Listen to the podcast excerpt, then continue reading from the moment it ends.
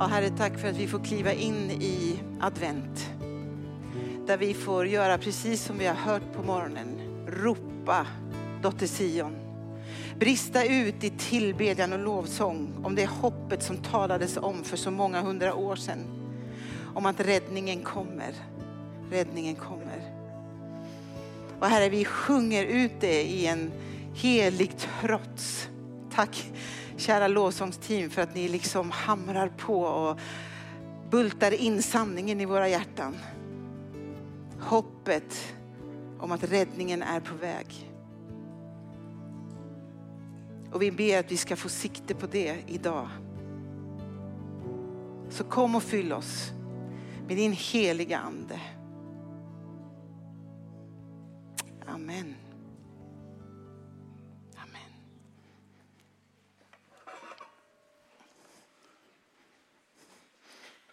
Alltså wow, om det var någon som var lite sovig så vaknar man nog under lovsångspasset här, eller hur?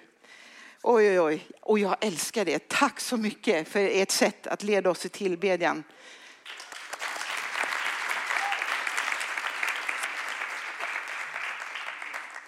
Igår så var det en annan typ av tillbedjan här inne också för att den här gospelkören som håller till i våra lokaler och som, som eh, Ehm, ja, men vi håller på att lära känna och vi håller på att samarbeta med och det ska bli så kul att få se och höra. Men det, kyrkan var helt fullsatt här igår med 230-50 personer som vanligtvis inte går i kyrkan och eh, fick rocka loss totalt till gospel, för det är vad gospel är, med tydligt budskap om hoppet som kommer. Eh, så tack för det gänget, de av er som är med i kören. Nu går vi in i ett nytt år, redan nu. Det är ett nytt kyrkoår, glad advent. Eh, och som vi har redan läst två av söndagens texter här på morgonen. Vem är han då, den här väldige konungen? Ärans konung som vi väntar ska göra ankomst. Hela advent är ju en förberedelse och en väntan på just den här ankomsten. Och i år så är både adventtiden lite kortare för att första advent är nu i december. Det brukar vara någon gång i november. Eh, men att den fjärde advent infaller på självaste julafton. Så den är lite kortare. Och min uppfattning är att folk har längtat lite efter advent. Man har längtat efter att få tända ljus. Man har längtat efter att få liksom kliva in i det här som är advent. Och jag vet inte hur det är hemma hos er. Men hemma hos mig så brukar man försöka pynta och man fixar. Och i affärerna spelas julmusik som visserligen vill att vi ska köpa mer och fler julklappar. Men som någonstans mitt i det där sålet också faktiskt sjunger om ett hopp, om en evig, den här ärans konung som ska komma. Och varje år tänker jag att jag måste lära mig att bli lite bättre förberedd med alla de olika typer av små glödlampor man behöver ha hemma. Ni vet de för femarmade ljusstakar och de för sjuarmade ljusstakar och de för ljusslingor. De som är seriekopplade och de som är parallellkopplade. Och ni vet man kan bli tokig på att få till, liksom, att det inte bara kan funka. Och ibland behöver man gå igenom varenda enskild liten glödlampa för att hitta den felande liksom, länken eller om det är en kopparkoppling som inte kopplar ordentligt. Ehm, jag vet inte, känner ni igen er? Oavsett om du har sprillans nya, om du har källan full av gamla 50-talsljusstakar eller slingor så finns det inte en enda som fungerar om inte de är kopplade till kraftkällan. Vi kommer till det sen. I onsdag så hade vi den sista lovsångskvällen här för i år. Vi har haft några sådana den här terminen. Och de av er som kommer in och ser att det hänger en, stor krans i taket. Och det gjorde det i onsdags också. Och då hade vi möblerat så att korset stod centralt mitt under den stora kransen. Och lovsångsbandet stod under kransen och vi andra satt runt om. Eh, hade jag tänkt på det så hade jag kunnat få med en bild här i tid. Eh, det här var ett sätt för oss att medvetet påminna oss om att himlen är nära. Att himlen och Guds härlighet är inom räckhåll. Det var ett sätt för oss att medvetet inta en position av en aktiv väntan. En förberedelse, att vara just förberedd. Vi har läst, gör portarna vida, höj era portar. Vi sjöng, bered en väg för Herren. Det är en aktiv handling att öppna portar och höja dem. Det läses, det sjungs och vi manas att slå upp dörrarna. Slå upp dörrarna för att släppa in kungen. Och det kräver någonstans en aktiv handling för oss att inta en position. Det var det vi ville med den här adventsdekorationen. Ärans konung och hans härlighet. Han är det centrala. Jesus i centrum som kommer med frid och fred, härlighet. Ja, någon sa just i söndags, det är som om Guds kungakrona och törnekrona eller Guds härlighet, Guds närvaro, en port för hans närvaro. Gör det till vad du vill. Vi vill vara redo. Och jag tänker en bra bild är också på samma sätt som personalen på en flygplats är redo för flygplanet som de vet ska landa men som de ändå inte ser.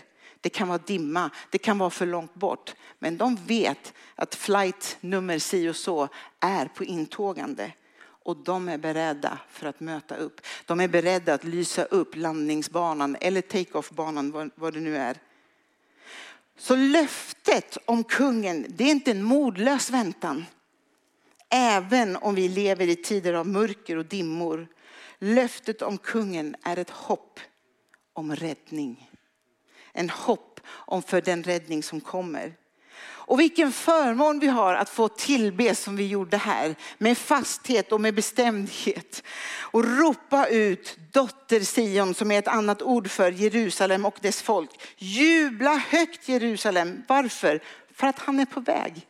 Vi vet, vi som tror, vi som också lever i nytestamentlig tid och som har en relation till Jesus. Vi vet i vår visshet att han kommer att komma och att räddningen för vår värld är på väg. Han som kallas rättfärdig, segerrik. Han är på väg. Men han kommer i all ödmjukhet som ett nyfött barn. En son som blir oss given. Väldet ligger på hans axlar. Så han är inte bara ett barn. Utan vi måste också se honom som den stora kungen. Han som kallas underbar rådgivare, mäktig Gud, evig fader, frids förste. Han är det som vi väntar på, som vi bereder väg för. Vi ska läsa en till evangelietext från, som är till, till dagens söndag. den är hämtad från Matteus 21, 1-9. När de närmade sig Jerusalem och kom till Betfage vid Olivberget skickade han iväg två lärjungar och sa till dem, gå till byn som ligger framför er. Där kommer ni att hitta ett åsnesto som står bundet med ett föl bredvid sig. Ta dem och led, dem, led hit dem. Och om någon frågar vad ni håller på med, säg bara Herren behöver dem och kommer snart att lämna tillbaka dem. Genom detta så gick det i uppfyllelse som förutsagts genom profeten. Säg till dotter Sion, se din konung kommer till dig, ödmjuk och ridande på en åsna, ja på ett åsneföl. De båda lärjungarna gjorde som Jesus hade befallt dem och tog med åsnan och fölet till honom. Och sen lade de mantlar på åsnorna och Jesus satt upp. Många i folkmassan bredde ut sina mantlar på vägen. Det var nog det barnen skulle prata om idag. Såg ni kläderna och palmbladen, eller hur? Och andra skar kvistar från träden och ropade Hosianna, Davids son. Välsignad är han som kommer i Herrens namn. Hosianna i höjden. Hosianna, räddning kom. Räddning från höjden kom. Allt i omkring julberättelsen sker nästan på en så här smärtsam nivå av ödmjukhet. Josef och Maria, de är liksom tonåringar. Hedarna, de är enkla, förmodligen hemlösa, de bor ute. De är liksom nobodies. Men i den här berättelsen så utspelar sig händelsen i en hel by som är lite obetydlig. Betfage. De har inte nått Jerusalem ännu, den stora staden där allting händer, handel och liksom allt liv som myllrar där. Utan de stannar till i en liten oansenlig enkel by. Jag har bott i en sån. Och jag vet vad det innebär. Det kan vara lite bonnigt och det är lite långsammare. Det är lite härligt också. Så att det, är inte, det är inte bara dåligt, men det är så långt ifrån storstadens puls och trendiga kaféer och allt det här andra. Eh, där det händer saker. Det här är något helt annat. Det är dit Jesus sände sina lärjungar på uppdrag. Ett uppdrag att hämta en åsna.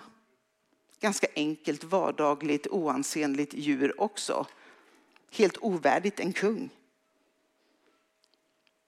Och så säger han, om någon frågar något, så svarar denna någon att Herren behöver den.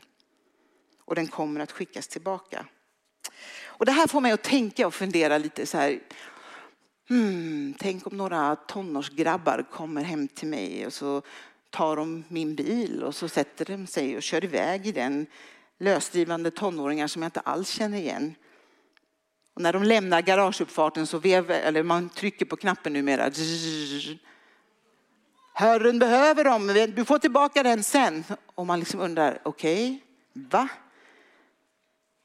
I en liten by så sprider sig ryktet ganska snabbt och folk undrar säkert, vad är det här? Är det en ny brottsliga som är på gång? Behöver jag vara rädd om min åsna eller min bil? Behöver jag låsa in den? Har jag försäkring på den? Får jag någonsin se den igen? Vilka är de där tonårsgrabbarna överhuvudtaget? Och det är bra frågor. Men jag stannar ändå inför orden Herren behöver dem. Herren behöver dem. Det är ett påstående som i all enkelhet utmanar, påminner och vänder rätt på sanningen om att allt du och jag är, allt du och jag har, allt du och jag äger faktiskt bara är till låns. Och det behöver vi lite hjälp att rättvända ibland. Gud är den som har skapat oss. Det är han som har lagt ner personlighet i mig, min identitet, gåvor och mina ägodelar. Som Guds barn är Bibeln tydlig med att allt vi äger är hans. Och då blir det plötsligt en, som en annan så här, ägaren till det som jag får förmånen att förvalta kommer och säger, du jag behöver ha bilen en vecka eller två eh, för att göra ett uppdrag. Du får tillbaka den sen, så jag är fortfarande betrodd att förvalta den där åsnan eller bilen. Men om någon frågar så säger Herren, Herren behöver dem. Vad behöver Herren från dig i år? Vad behöver Herren för att hans räddningsplan ska, gå, ska, ska genomföras? Han behöver dig och mig. Av någon underlig anledning så har han valt att arbeta med oss vanliga nobodies i världen. Enkla människor. Och därför behöver du och jag vara redo. Herren behöver oss. Han behöver att vi släcker, släpper taget om så många olika saker som vi krampaktigt håller fast vid. Som vi tänker är vårt. Det kan vara tid, det kan vara saker, det kan vara upptagenhet. Vi hade en hel serie som handlade om att resa lätt som berör just att släppa taget om saker. Eller, eller eh, ja, prioriteringar. Men Gud har någonstans valt att behöva oss som den där flygplanspersonalen.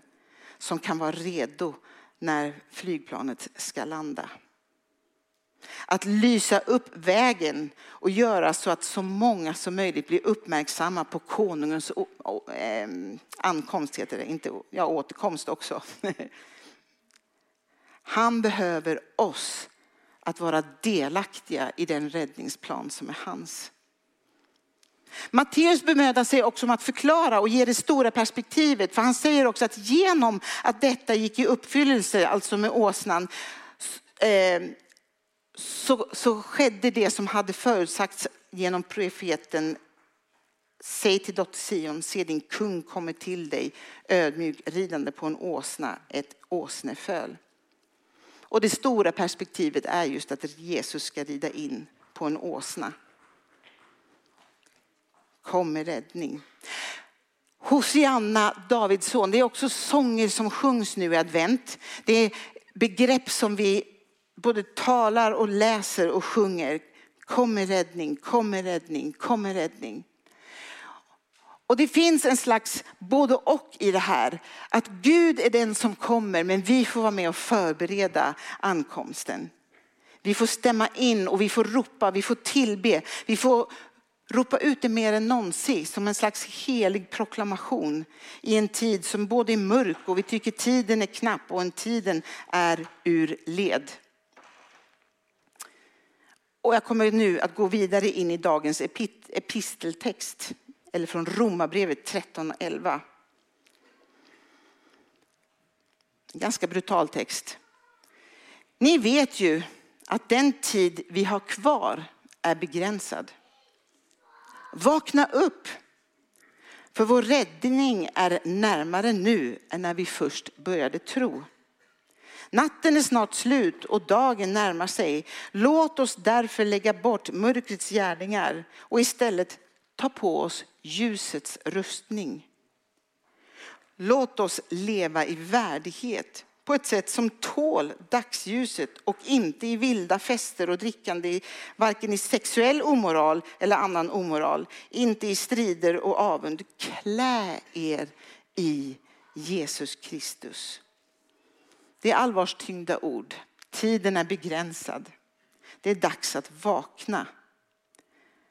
För vår räddning är närmare nu än vi började tro. Uppmaningen till oss är tydlig. Ta på dig ljusets rustning. Och en rustning är till både för att skydda men också för att bära ut ett uppdrag. Att leva värdigt, inte i omoral eller destruktivitet. Och jag tänker då så här, när man pratar med människor och i de tider vi lever i, så är det väldigt lätt att tappa modet, tappa hoppet, tappa tron. Det gör vi lite till mans. Och då är det lätt att liksom falla i det ena diket av att ja, men jag struntar i allt, jag bara ger upp och så tänker jag att jag lever som om det inte finns en morgondag. Vi hade samtal om huspriser och lån och, och, och ja, ja, det är inte så viktigt. Det går åt liksom skogen i alla fall allting så att jag behöver inte, ja, jag kan låna hur mycket som helst för att allt kommer ändå gå kaputt. Mm. Och så säger Jesus, var nyktra, vakna, ta på er ljuset, lev värdigt. Iklä oss Jesus, leva av ljuset i Jesus, i ljuset med tro och med hoppet som vår värld och vi behöver. Som ropar efter hopp och mening. Jesus igen, han kom i ödmjukhet. Han föddes i ett stall i all enkelhet. Och att på något sätt hålla sig ödmjuk i dagens läge, det kräver nog att leva nära ljuset. Som känner, jag tänker vi enkla människor som lever vaket nog att känna igen kallelsen men ändå med modet att våga svara ja. För ödmjukhet kommer inte av sig självt i dessa polariserande dagar. Det kräver att du och jag är uppfyllda av det ljus som är Jesus. Ehm, jag sitter med och är engagerad i ett nätverk som heter New Wine och just nu så håller vi på att sitta, jag sitter med i en sonderingsgrupp för han som är nationell ledare har sagt att han inte vill vara det längre utan vi behöver hitta en ny. Och vi hade en gruppträff där vi liksom la upp en strategi för hur det här arbetet skulle gå till. Eh, vad fungerar bra? Vad fungerar bättre? Vart vill vi framåt? Vi pratade strategi och även liksom hur det här sonderingsarbetet skulle kunna se ut.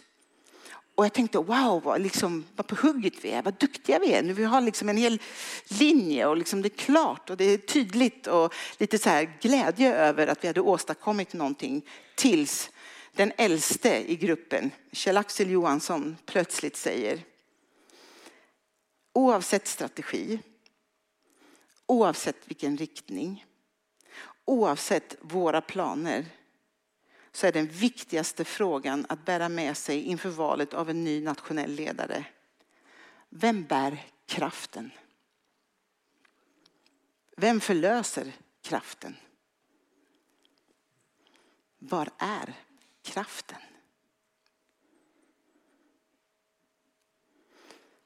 Oh. Och jag kan säga att jag liksom avslutar mötet och, och liksom ransakar mig själv. Och hur har vi det med våra liv? Har våra ljusstakar, är, är de inpluggade i, i kraft, till kraften, till kraftkällan? Paulus säger, jag vill lära känna Kristus och kraften av hans uppståndelse. Och jag tror att iklä sig Jesus, det är att inta just den här positionen av att låta honom uppfylla dig med sin kraft, med sitt ljus. Att iklä sig ljusets rustning är att se till att hålla sig så nära en laddstation så att man alltid kan ladda upp, om man ska tala elbilsspråk nu. Men samtidigt inte parkera där. Du ska inte vara där med sladden i och aldrig använda bilen i rädsla att kraften ska ta slut.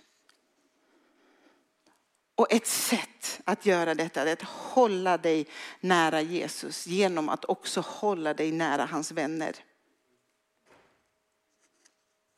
Det finns ingen perfekt församling och det är ledsen att säga men inte ens vi heller. Vi är ett gäng brustna människor, men vi går i en riktning mot Jesus. Vi längtar efter honom och att låta oss uppfyllas, laddas med Guds ord som ger näring, kraft, tro och hopp till oss alla som behöver det. Och tänk, om vi tänker den här bilden som oss alla som adventsljus, slingor och nya, gamla and all. Tänk vad vi lyser upp Malmö tillsammans. Där vi får lov att lysa i våran lilla del av den här stan. Herren behöver dem. Jag kommer att avsluta nu med att vi tillsammans får bara läsa och proklamera Guds ord över oss själva. Som handlar om Guds ljus. Vi hade besök av en kanadensare för några tag sedan. Eh, och han pratade om den andliga verkligheten och då fick vi vara med om att vid varje paus liksom ställer upp och så proklamerar vi Guds sanningar. Och det liksom bara gjorde någonting med oss som satt samlade och lyssnade. Det var så kraftfullt och det laddade min ande och det laddade min själ. Så det ska vi göra tillsammans. Ska vi stå upp?